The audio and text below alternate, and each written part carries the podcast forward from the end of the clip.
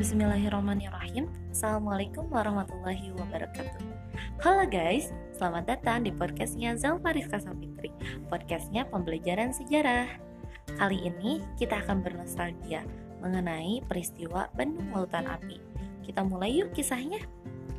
Pada 12 Oktober 1945 pasukan Inggris yang dipimpin oleh McDonnell dan tentara Belanda tiba di kota Bandung mereka menuntut agar seluruh senjata api yang ada di tangan penduduk diserahkan pada mereka.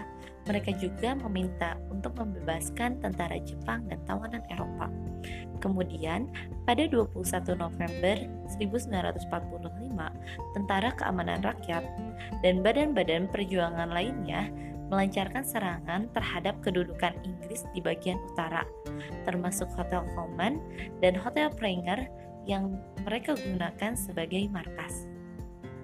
Pada 24 November 1945, McDonald menyampaikan ultimatum kepada Gubernur Jawa Barat sebagai balasan atas serangan 21 November 1945 agar Bandung Utara dikosongkan. Ultimatum tersebut harus dilaksanakan selamat-lambatnya pukul 12, tanggal 29 November 1945. Ultimatum kemudian dijawab pasukan Indonesia dengan mendirikan pos-pos gerilya di berbagai tempat.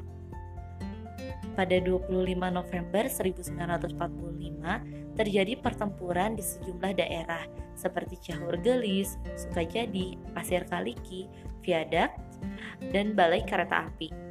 Sekutu berusaha merebut balai besar kereta api, namun usaha tersebut gagal Kemudian pesawat Inggris menjatuhkan bom ke Lengkong Besar dan Cicadas. Di Lengkong Besar, tentara sekutu berusaha membebaskan tawanan Eropa.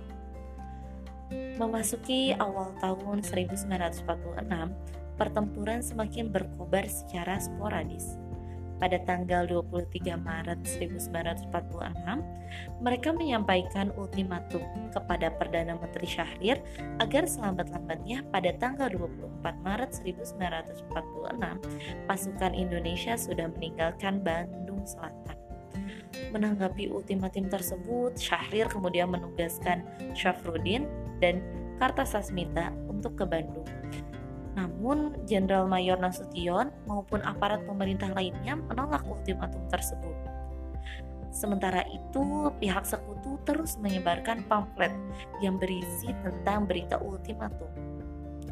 Demi keselamatan warga dan TKR, akhirnya dipatuhi ultimatum tersebut.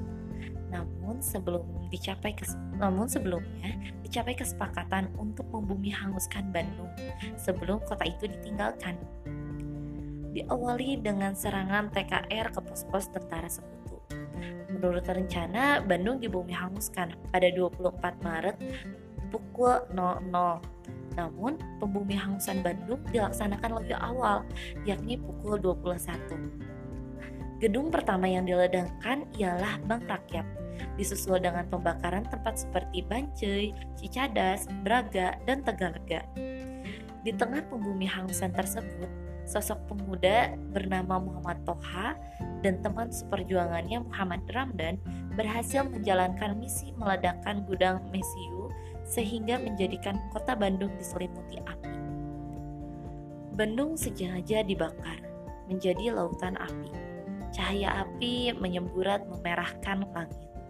Kurang lebih 200 ribu penduduk Bandung Selatan meninggalkan rumahnya, pergi ke pegunungan di selatan dengan memikul harta mereka. Rumah mereka sengaja dibakar dan ditinggalkan agar Bandung Selatan tidak dijadikan markas bagi sekutu dan Belanda, suatu pengorbanan yang besar bagi bangsa Indonesia.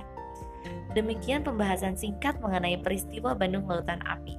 Terima kasih telah mendengarkan podcast ini. Sampai berjumpa lagi di podcast selanjutnya. Wassalamualaikum warahmatullahi wabarakatuh.